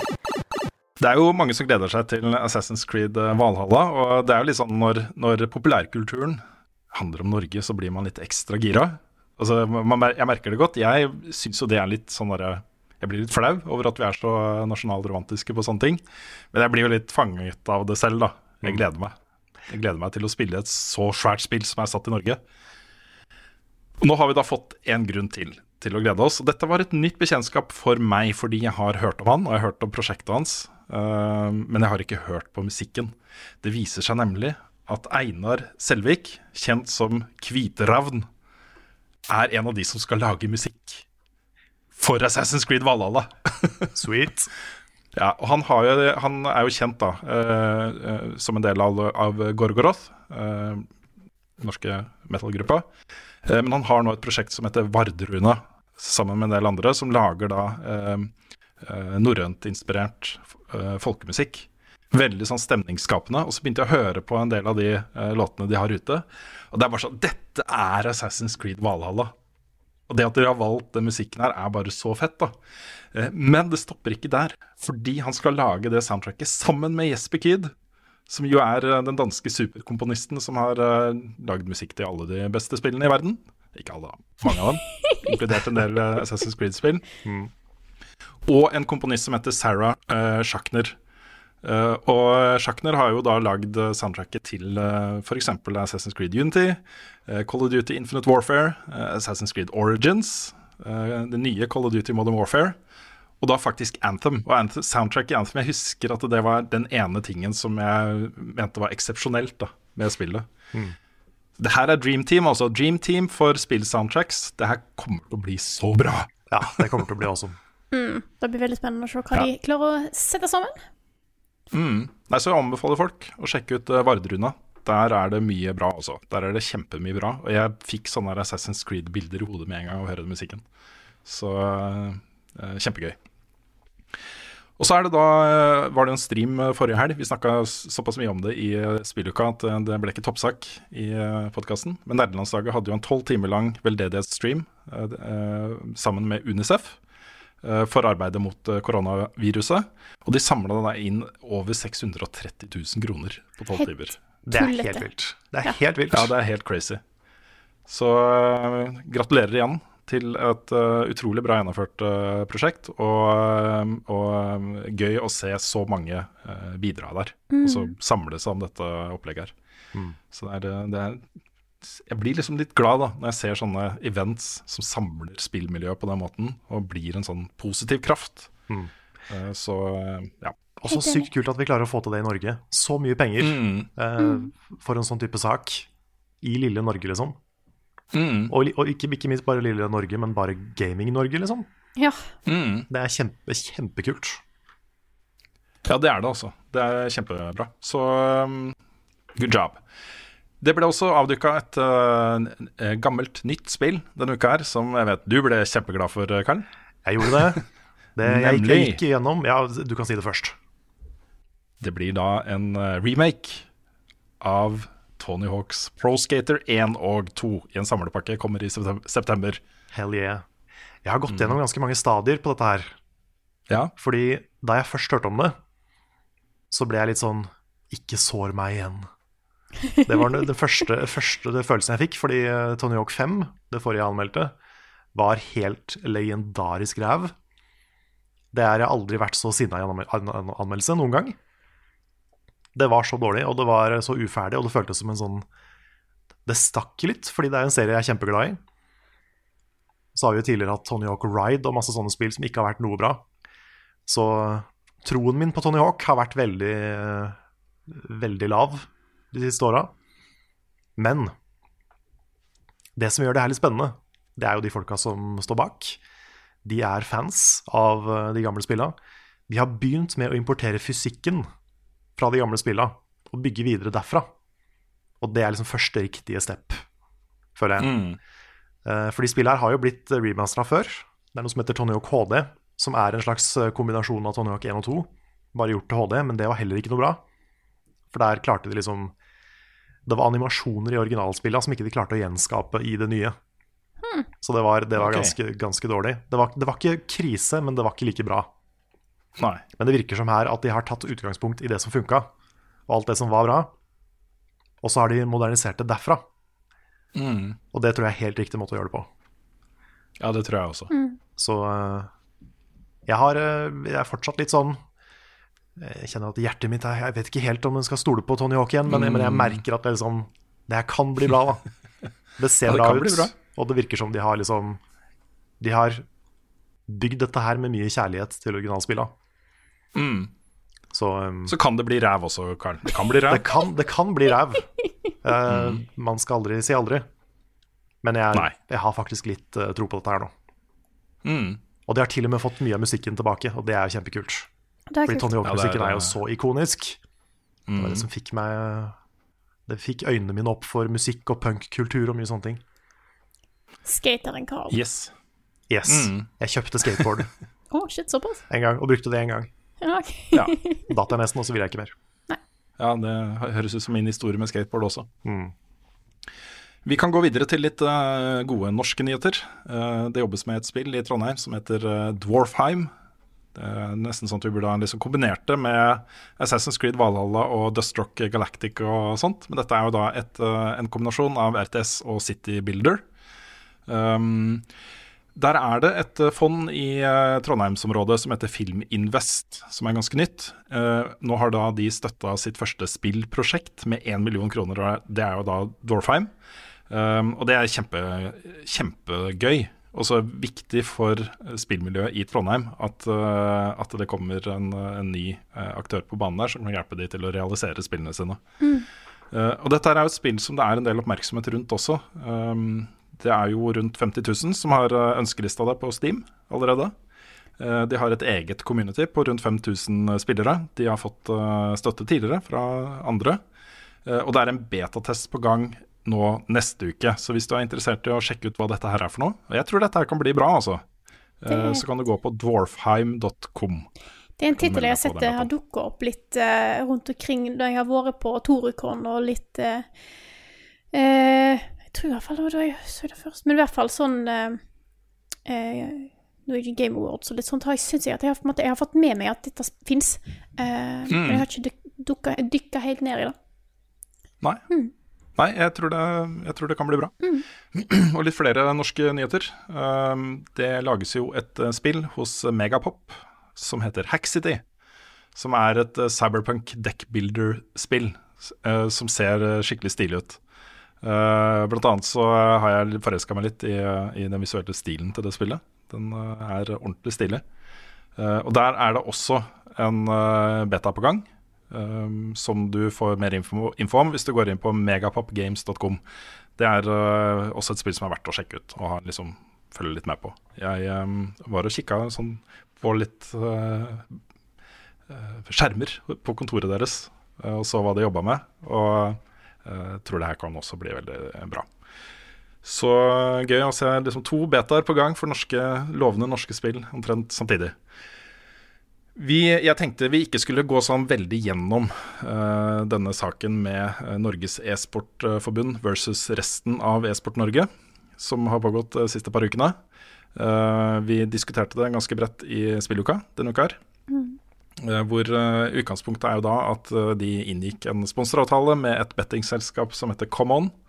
Eh, og da reagerte jo Norges idrettsforbund og Norsk Tipping og eh, Good Game og alle som driver med e-sport i Norge, var sånn Det, det kan man jo ikke gjøre i Norge. Det er ikke lov. Uh, nei.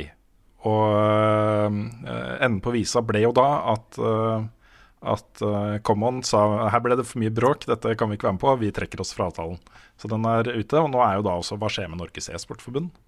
Uh, jeg- det ser jo ut som om på en måte det går mot enten en nedleggelse eller et helt nytt styre og liksom nytt arbeid med hvordan de skal operere da, i Norge. Mm. Uh, men det som, har, det som er kjernen i den saken her, er jo skal e-sport bli en del av uh, norsk idrett? Også Norges idrettsforbund. Skal det bli en etablert? Skal det bli en automatikk i at grasrotmidler fra Norsk Tipping kan gå til e-sportklubber og den type ting? da?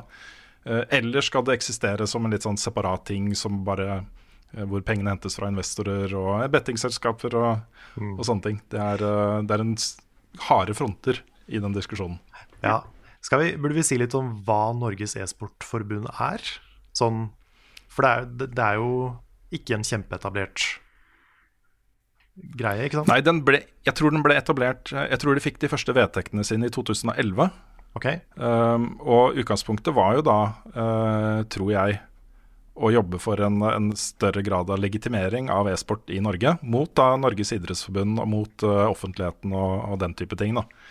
Så uh, utgangspunktet var nok at det skulle være en slags sånn interesseorganisasjon for de som driver med e-sport i Norge. Altså klubber og utøvere.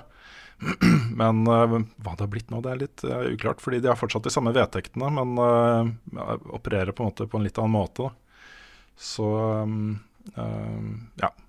Det er på en måte, Tanken var jo at det skulle være Norges idrettsforbund, men da for e-sport. Mm. Hvor man kan gå og kanskje jobbe ut felles avtaler og felles regelverk og eh, den type ting. Men uh, vi får se. Mm. Det er ikke sikkert vi trenger et Norges e-sportforbund. Nei.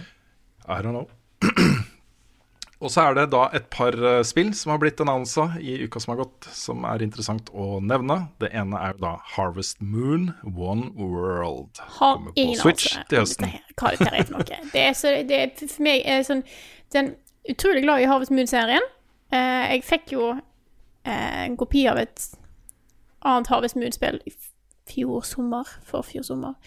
Og da var jo ekstremt ræva. Men tingen er at det, det, jeg prøvde å finne ut hvem det er som har lagd de ulike, og hvem det er som skal lage det nye, og det er bare et eneste stort kaos. Fordi at det, Mm. det, liksom, det var en spillserie, og så var det utvikleren og publisheren eh, bestemte seg for å skille lag, og så tok publisheren med seg Harvest Moon-tittelen, men development tok på en måte hele konseptet og har bare gitt et nytt navn. Så hvis du skal prøve å finne en oversikt over alle Havets Moon-spill, så er det umulig, fordi at de er fordelt. Og Hvis du søker på Havets Moon, så havner du på Story of Seasons, som som har liksom alle Havets Moon-spillene, pluss de nyeste Story of Seasons-spillene. Men da Havets Moon-spill som jeg spilte i fjor, da, da fins ikke på en oversikt på Wikipedia, for da har jeg lagd noen andre. Det er helt kaos. Jeg har helt gitt opp. Eh, nå er jeg bare spent på å se hva dette her er for noe. Yes. Jeg er litt skeptisk, da. Også, jeg, eh, I og med at dette her ble annonsa uh, uten en grad av sånn clarity på hva dette spillet faktisk er. Ja. uh, det var ingen bilder, ikke noe trailer, uh, ingen sånne ting. Og jeg, for meg da, så virker det som det er bare Hei, jeg ser at Animal Crossing gjør det ganske bra. Vi har jo et konsept her som eh, er litt i samme gate. Det bør vi jo få laget noe nytt på nå. Ja, så det virker som at det er natt meg sjøl som skal lage skal, For at de står som developer og ikke publisher. Jeg skjønner egentlig veldig lite av hva som Mm. foregår. Uh, jeg er ikke hyped, jeg er skeptisk. Uh, Ja. ja. Vi får se det. Det kan jo bli bra. Kan det? Vi vet ikke. Det, så jeg, det, jeg er spent på å se hva det er for noe. Yes. Og så skal det da eh, rett over eh, helgen være en avduking av eh, Mafia Trilogy. Altså Det er de tre mafiaspillene som blir oppussa og gitt ut på nytt. Jeg ser det går noen rykter om utgivelse allerede i august på de spillene. Um, dette er en serie som har veldig dedikerte fans. Um, og jeg, du ser ofte det liksom at det kommer en serie som helt opplagt er skapt av den åpen verden, GTA 3 uh, osv. tingen, som ble en kjempesuksess. Men dette er jo lagt da til gamle dager og gamle mafiating og, og, og sånt, og fikk liksom en veldig sånn Mange da som mente dette er jo mye bedre enn GTA. Dette er min serie, på en måte. Uh, og Derfor så har også mange et varmt forhold til de tre spillene. Så jeg ser det er mange som gleder seg. Jeg har, jeg har testa disse Mafia-spillene og er ikke noen superfan da, av eh, serien. Jeg syns det er bra, men ikke sånn fantastisk. Så jeg er litt sånn avmålt i eh, forventningene til dette her. Men uh, det er jo en sånn trend i tiden nå, at uh, alle disse gamle tingene løftes fram i lyset igjen. Og Ja. Jeg syns egentlig det er greit at vi får så mye remakes. I hvert fall når det er sånn Mm. bra remakes. Ja. Jeg har fått noen sykt gode remakes bare i år. Det gjør spill mer Mm. tilgjengelig for nye, nytt publikum. Mm. Ja, så er liksom tida inne nå for å gå tilbake til sånn PlayStation 1 og sånne ting. Og liksom bare Hvordan kan vi gjøre det her i dag? Jeg syns det er litt kult. Mm. Og så avslutter jeg med en nyhet som jeg tar eh, i form av et spørsmål fra eh, Philip Lindstøl, som eh, spør Vet ikke om dere har spilt Terraria på en stund, men spillets siste store oppdatering kommer ut nå, på lørdag 16. mai. Eh, litt overrasket over at, jeg ikke har nevnt eller lagt merke til dette, så vil jeg bare nevne det. Jeg har lagt merke til det, ikke snakka så mye om det, fordi sønnen min er megaglad i Terraria og spiller det masse. Det er kanskje hans favorittspill akkurat nå. Eh, og vi har snakket mye om Jeg har jo nevnt for han at denne updaten kommer, og han er supergira på at vi skal spille inn det sammen. da Så eh, du skal ikke se bort ifra at det kommer noe et eller annet content på Terraria eh, Dette, etter den updaten. dette er òg en uh, update jeg har vært veldig klar over. For det er en annen her i huset her som er veldig, veldig, veldig hyped. Uh, Mm. Og snakker om det i stund. Så jeg får se. Jeg har jo egentlig spilt gjennom ganske mye av Terraria. Tatt, jeg tror jeg har tatt alle de hovedbossene. Kanskje jeg skulle tatt en liten revisit sjøl. Jeg får se. Mm. Ja, for den up- updaten her blir jo blanda som en sånn, eh, et siste hurra Ja. for en serie som er eh, som er kjempesvær, og som mange er fryktelig glad i. Mm. Uh, Ja. Så jeg, jeg har ganske høye forventninger til den. Ja. Ja, det spillet har jo blitt støtta så utrolig lenge òg. Ja, det har ute Terraria kom jo ikke lenge etter Minecraft kom for første gang. Nei. Så det, er, det har levd lenge og blitt, blitt supporta over lang tid. Uh, hva kommer egentlig nå? Jeg har ikke peiling. Hva kommer nå? Forrige uke så hadde Carl en quiz som het First. Og da er det bare naturlig at jeg denne gangen har lagd en quiz som heter Last. Ah, Jeg har da funnet fram eh, Jeg tror ikke han blir kjempelang. Eh, en liten eh, Et knippe last words som eh, da hovedsakelig bad guys sier rett før de dør. Oi. Rett før de dør, ja. Det er ikke siste line i et spill, det er siste line til en bad guy? Yes. Som dør. Okay. Oh. okay. Eh, jeg måtte, det var veldig vanskelig å finne, for mange av de sier liksom bare sånn damn you-navn. Eh, sant, så det er jo Men jeg har funnet litt, så, vi, så jeg tenker vi tar samme som vi har gjort før. Rop ut navnet deres når dere tror dere har det. Jeg vet ikke om alle her er åpenbare. Jeg tror dere kan noen av de. Jeg, jeg er ganske sikker på at jeg har valgt ut spill som dere mest, jeg tror dere har Ikke nødvendigvis spilt alle, men en god del har dere spilt begge to. Mm. Så Er det, burde vi si spoiler alert på forhånd? siden dette er hovedbad guys, så vil jeg ikke Og det er det hoved, det er hovedbad guys? Det er hovedbad guys. Uh, Ok. Ja. Ja. Ja. Ok, Okay. Så, jeg, jeg hør har, det er derfor jeg har, ikke tatt, jeg har ikke tatt liksom eh, det siste en god venn sier til main-karakteren idet han dør, som en sånn Nei. trist Sant? Eh, så jeg tror det går bra. Eh, og den, eh, den aller Jeg har en sånn bonus på slutten. Den tror jeg òg går fint. I verste fall så får vi klippe den ut. Ok, Er vi klar? jeg er klar. Ja. Den første er The wind, it is blowing. The wind, it is blowing. Åh, den vet jeg egentlig. Dette er en eh, Og Carl, Ja, ja. det er Gannon i Windwaker. Da er det! Yes! Å, wow. Wow. Da er det ett poeng eh, til Carl. Da har vi neste, neste kort her. Why, why do you even care? You, you could have walked away. Snow. Snow? Sier han snow? Han sier snow. Aller siste han sier snow. Oi, oi, oi, oi, oi. Um, uh, Rune, Rune, ja, vær så god. er det Åh, nei. Pokker. Ja, har du Jeg, had, jeg følte at jeg hadde den, og så forsvant den fra meg igjen. Da kan du få en uh, tankepause. Hvis eh, Carl, har du et annet? Kan jeg spørre om et hint? Yes? Er det en karakter som heter Snow? Nei. Det er ikke Nei. en karakter som heter Snow. Ja, For det jeg fikk bilde over i hodet, da, det var jo at, eh, at uh, Altså, det snør. Og så Altså, jeg har det, jeg har det bildet i hodet. Jeg er helt sikker på at dette vet jeg hva er. Det er et ganske... Bare klarer ikke å få tak på det. Det er et trippel A-spill. Mm. Eh, Oi! Um, Rune. Ja? Det er uh, Balder i God of War. Da er det! Så den er litt sneaky, fordi Cato sier noe rett før. Eh, rett, Mm. Eller in, inni der. Men eh, han sier snow idet det begynner å snø. Så har vi en, eh, en til her. Der står 1-1 så langt. I knew you had it in you. I knew you had it in you. Den her er litt lur. Det er så mange av de bossene som jeg hadde sett for meg at du skulle ta tak i her nå, Mm. eh, som kunne ha sagt akkurat det der. Det er en veldig sånn uh, vanlig ting, men det er et uh, Jeg vil si det er et viktig spill i level up-setting. Uh, som jeg, jeg vet at dere begge to har spilt. Vet du hva, jeg tar, en, jeg tar en gamble, og så får jeg bare leve med at, eh, at folk mener jeg er dum. Ja. Rune? Ja. Er det eh, eh, German i Bloodborne? Da er det ikke. Nei. I knew you had it in Vi har lagd video om det. Opp til flere videoer, tror jeg. Ja, det har vi. Ja, vi har lagd, er det et hint, eller? Der vi alle tre har vært med. Mm. Hmm. Jeg har liksom lyst til å si Undertale, men jeg tror ikke det er det. Jeg må nesten ha et svar fra dere snart, tror jeg. Jeg kan komme med et eh, eh, siste hint. Dette er ikke et trippel A-spill.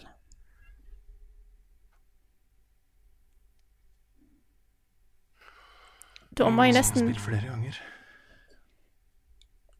Da må jeg nesten ta en eh, Ja. Ja, du kan, Ja. det er greit, du kan chatte den der. Dette er Omega Flowey fra Undertale. Det var Undertale. Det er det. Ah. Så den er litt sneaky, fordi at det er da Det er på en måte Det er jo mer ting som, som Støff, men det er da Omega Flowey sier når du har tatt den, i hvert fall. Ja. Så har Men er det hvis du velger å ikke mercy inn på slutten her? Nå ble jeg litt usikker. For jeg tror ikke jeg har fått den setningen noen gang. OK, da kan det være. Jeg har tatt så mange endings her at jeg har faktisk mista litt oversikt. Her kommer unnskyldningen nå, vet du. Ja. Med en gang. Ja, Det var greit. Det står i hvert fall 1-1 da vi går inn på spørsmål nummer fire. Unless you have a plan for building some supercomputer parts in a big hurry, this place isn't going to be safe much longer.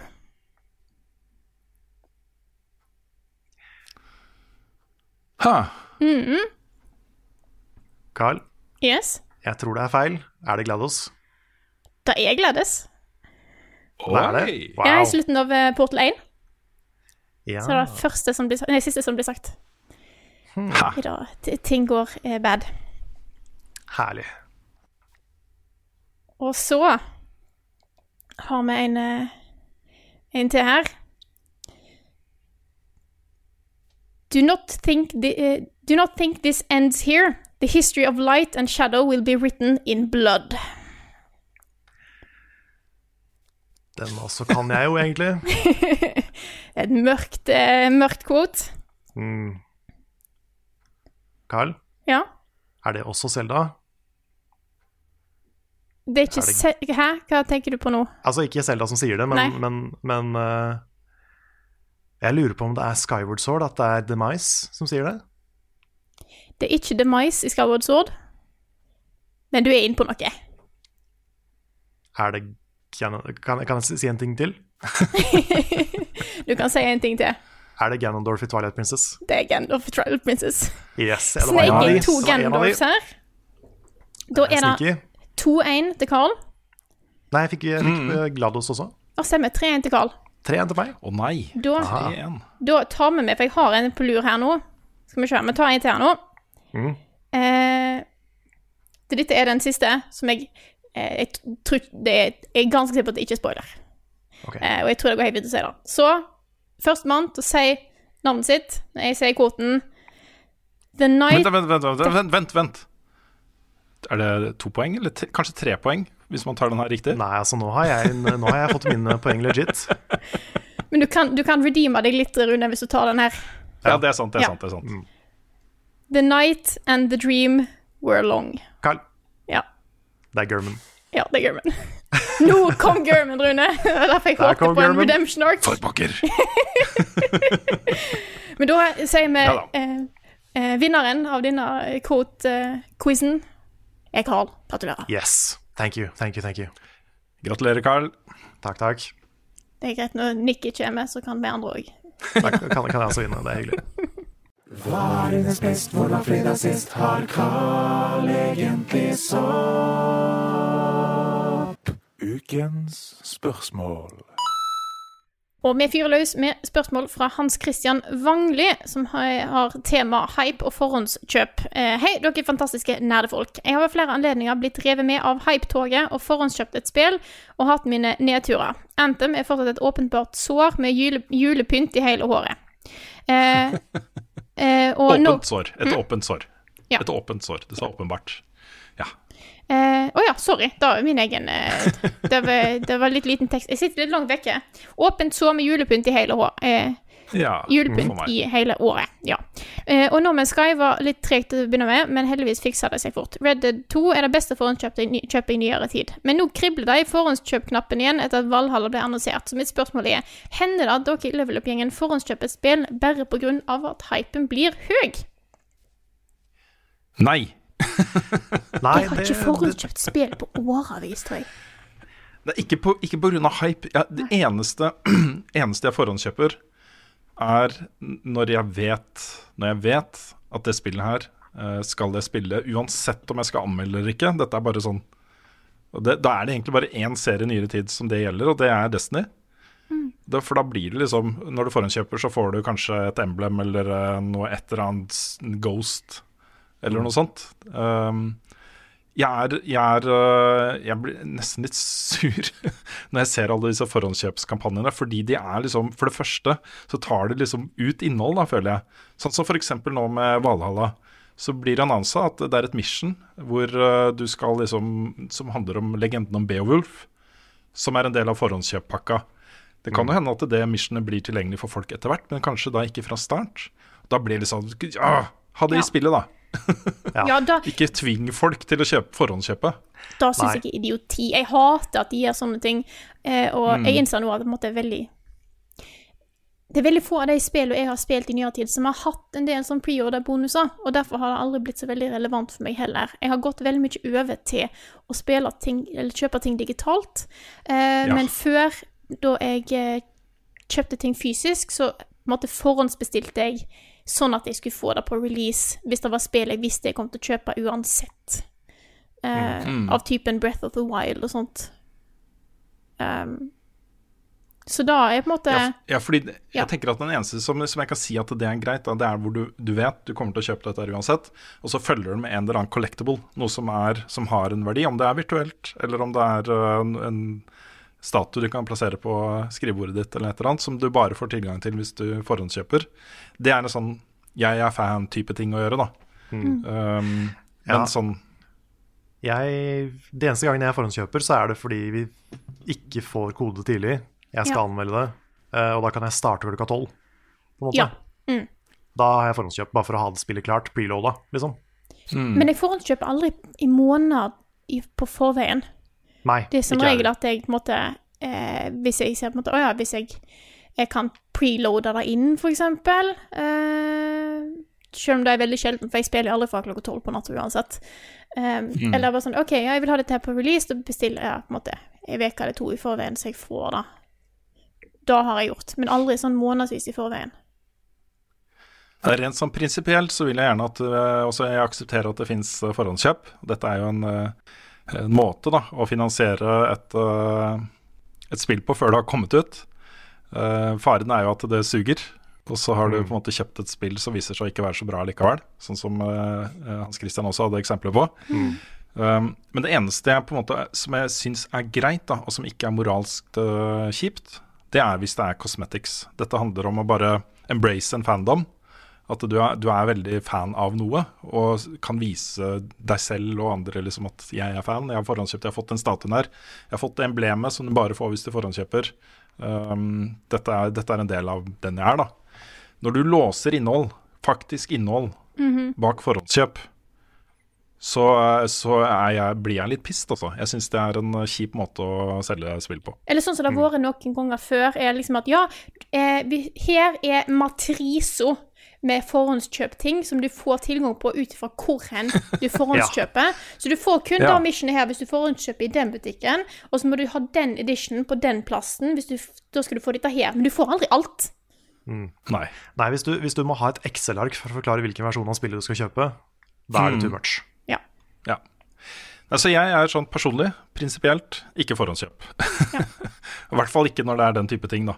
Jeg har tatt et stand på det, og oppfordrer andre til å gjøre det samme. For de gjør det jo fordi folk, det funker. Mm. De, eh, de legger det inn som en del av den økonomiske modellen som handler om å selge spill. Ja. Det er sånn de gjør det nå, fordi folk eh, kjøper de spillene. Det er sant. Det er i hvert fall, eh, heldigvis, da, så er det ikke fullt så mye sånn GameStop-exclusive-greier lenger. For det var jo et helvete.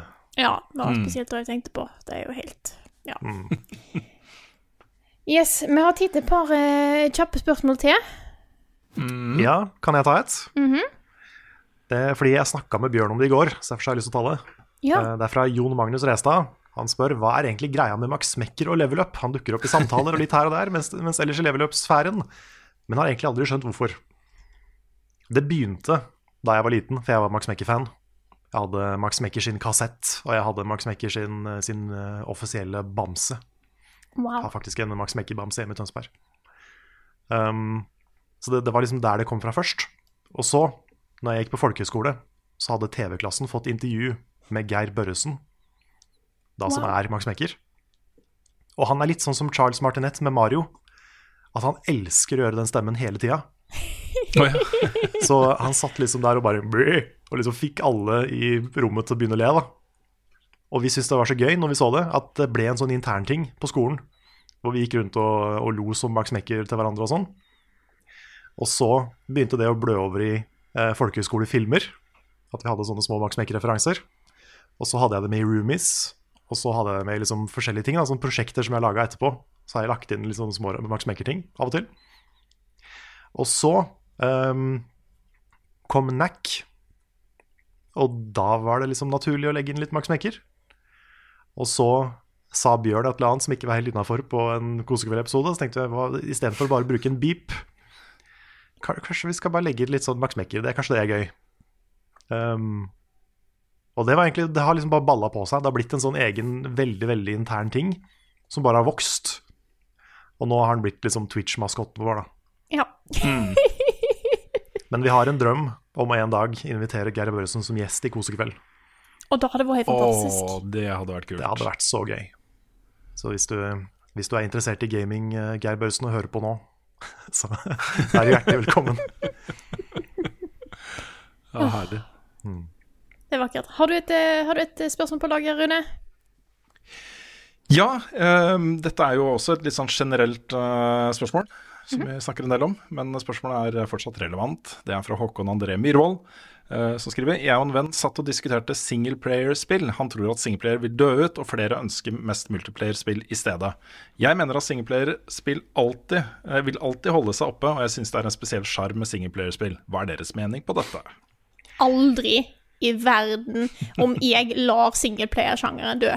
Da blir det et nei. personlig fakkeltog med meg i front. Da- Med da- hodet til han der Ja. singleplayer is dead-fyren som bare Nei, men jeg, jeg føler jo at den er litt sånn lagt død allerede, da. Når du ser eh, suksessen til spill som Red Dead Redemption 2 og God of War og eh, Nå kommer jo The Last of Us Part 2 og Ghost of Tsushima. Uh, Cyberpunk 2077 og The Witcher 3 og Jeg tror ikke singleplayer-sjangeren har hatt det bedre enn det det har nå. Nei? Nei, det er sant. Og så føler jeg også litt at det er to ganske forskjellige ting. Altså Multiplayerspill og singleplayerspill appellerer på veldig forskjellige måter. Mhm. Og jeg har alltid vært mye mer en singleplayerspiller enn jeg har vært en uh, multiplayerspiller. Uh, og det er fordi de litt sånn, litt sånn ensomme spillopplevelsene funker veldig bra for meg. De, det er de jeg på en måte lever meg inn i. Mhm. Og jeg, kan, jeg har spilt litt Civilization, jeg har spilt litt forskjellig PubG og sånn. Men det er, da er jeg et helt annet humør. Jeg er ute etter noe helt annet. Og det Det har to helt forskjellige funksjoner i livet mitt, på en måte. Mm. Ja, ofte når jeg skal lage sånne topplister over mine favorittspill gjennom tidene, så har jeg egentlig mest lyst til å lage én liste for multiplayer og én for singleplayer. Fordi de appellerer til meg på forskjellige måter. Og gir meg forskjellige ting, da. Så det å synke ned i et eh, bra singleplayer-spill er på en måte eh, for meg da, som å lese en skikkelig god bok. Mm. det, det er en eh, opplevelse, en reise, som, eh, som, eh, som er veldig personlig. da. Mens multiplayer handler mer om eh, å hygge seg og ha det gøy og konkurrere. Ja, konkurranse er en stor ting Mm. med multiplayer. Så, men jeg liker begge deler. Mm. Så det vil alltid, jeg, det vil alltid være singleplayerspill. Og det er mye fordi folk kjøper de spillene fortsatt. Det Mm. viser salgslister og sånt. Det er singleplayerspill som blir gigasuksesser, og som folk digger. Eh, og da vil det fortsatt bli lagd. Um, så, um, og så er det da utviklere som ønsker å lage singleplayerspill. Kanskje de har noe å formidle, et budskap, et, eh, noe de har lyst til å få fram. Mm. Som uh, handler mer om historie og rollefigurer og dialog og verdenbygging og sånt, enn uh, om konkurranse. Ja. Jeg føler multiplayerspill er liksom nærmere brettspill, mens singleplayerspill er nærmere filmer, på en måte. Ja. Eller bøker. Eller bøker. Eller bøker. Det, ja. Ja. Jeg prøver ikke å få meg en I multiplayer-bok. Jeg, jeg, jeg gravde meg er ned i det. ja. Det er vanskelig. Ja. ja. uh, jeg vil ta et, Siden vi var inne på konkurranse her Mm. Det er ting vi har fått spurt Det er noen som spør oss innimellom. Jeg tar, jeg, så jeg tar nå. Uh, Niklas Krabbets Svedberg, har dere vurdert å kjøre en duell mot Blipp og Hedemann, type level up versus nerdelandslaget? Og jeg ser at vi må bare få til det, altså. Ja, det har vi tenkt på. Jeg sendte en, ja, jeg sendte en melding jeg, til eh, Andreas og Stian i fjor høst, hvor eh, jeg inviterte de til det. Og så av forskjellige grunner så ble det litt for hektisk i fjor høst, så da fikk vi ikke gjort det. Så tanken var å sette i gang nå i år, og så har det jo ting blitt så rart. Så, men jo, ja. det hadde vært kjempegøy. Det hadde vært kjempegøy. Det må vi få til. Så ja, Det jeg har lyst til å gjøre, da, det er å gå litt tilbake til sånn som duellen i level up-sammenheng var originalt. Hvor man valgte spill som man antok at man var bedre enn motstanderen i.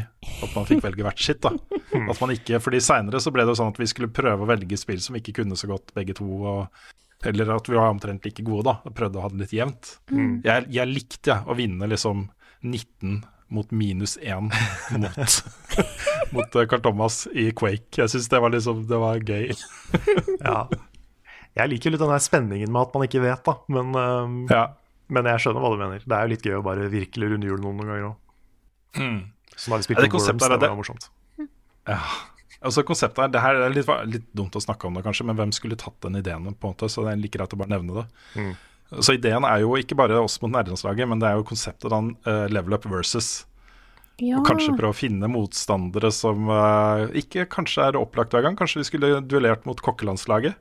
Mm. Eller mot uh, uh, norske eh, spillpolitikere. Altså politi norske politikere som er interessert i spill. Ja. Det er, liksom, det er mange sånne ting vi kunne gjort da, som jeg tror hadde vært innmari morsomt. Mm. At ikke det bare blir liksom Lolbua, Nerdelandslaget og Radcrew og s- spe, Spelledåsen og sånt, men at vi går litt utenfor spillsfæren. da. Det hadde vært veldig. Eller kombinere da med eh, eh, nye spill Norge. Ja, det kunne også, kunne også gått. Det var jo der duellen starta, hvor eh, det var Endre sin, eh, Endre sin idé. Hvor vi, når vi besøkte disse utviklerne, så foreslo han at vi skulle ha en sånn duell da, i det spillet de lager. Så det var et sånt element som gikk igjen i alle episodene. Det funka kjempebra. Så mm. Ja, jeg utfordrer folk i eh, Mario Kart any day, så det er bare til å gi beskjed. Ja. Mm. Er det da? Har vi spørsmål til, eller skal vi ta runden av det, kanskje? Vi kan runde av. Vi har tatt en del av spørsmålene jeg skrev underveis i podkasten òg, som har liksom fått svar på en del, eh, selv om ikke alt ble tatt på slutten der. Mm. Så da sier jeg bare Level Backup er en spillpodkast som er utgitt av moderne media. Låten i introen og outroen er skrevet av Ole Sønnek Larsen og arrangert og framført av Kyoshu Orkestra. Vignettene som du har hørt på, er hovedsakelig laget av fantastiske Martin Herfjord. Du er en helt. Eh, Du finner mye mer innhold fra oss på youtube.com slash levelupnord. Det er vår hovedplattform for ting, så der finner du Let's Plays og YouTube-videoer på YouTube. på YouTube. Det gir mening. Let's Plays og anmeldelser av hele dritten. Og så streamer vi masse på twitch.tv levelupnord for tida, så stikk innom der. Og hvis du vil være med på å sørge for at vi fortsetter å lage masse kult innhold i året som kommer, så det er bare til å gå inn på patreon.com slash levelupnorge eh, og støtte med det beløpet du sjøl har lyst til der. Vi vil si tusen, tusen takk til alle dere som støtter oss der. Takk for at du har hørt på denne episoden her av Level Backup, og så snakkes vi igjen neste uke. Kan jeg få legge til noe Ja, ja, ja. før vi avslutter? Yes. God 17. mai!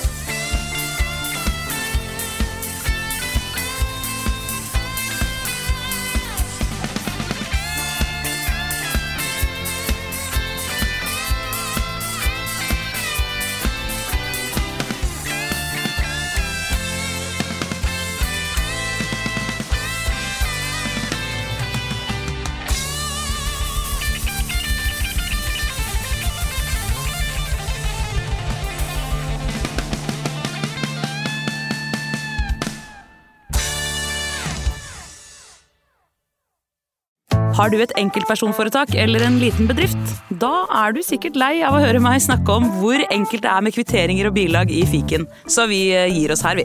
Fordi vi liker enkelt. Fiken superenkelt regnskap.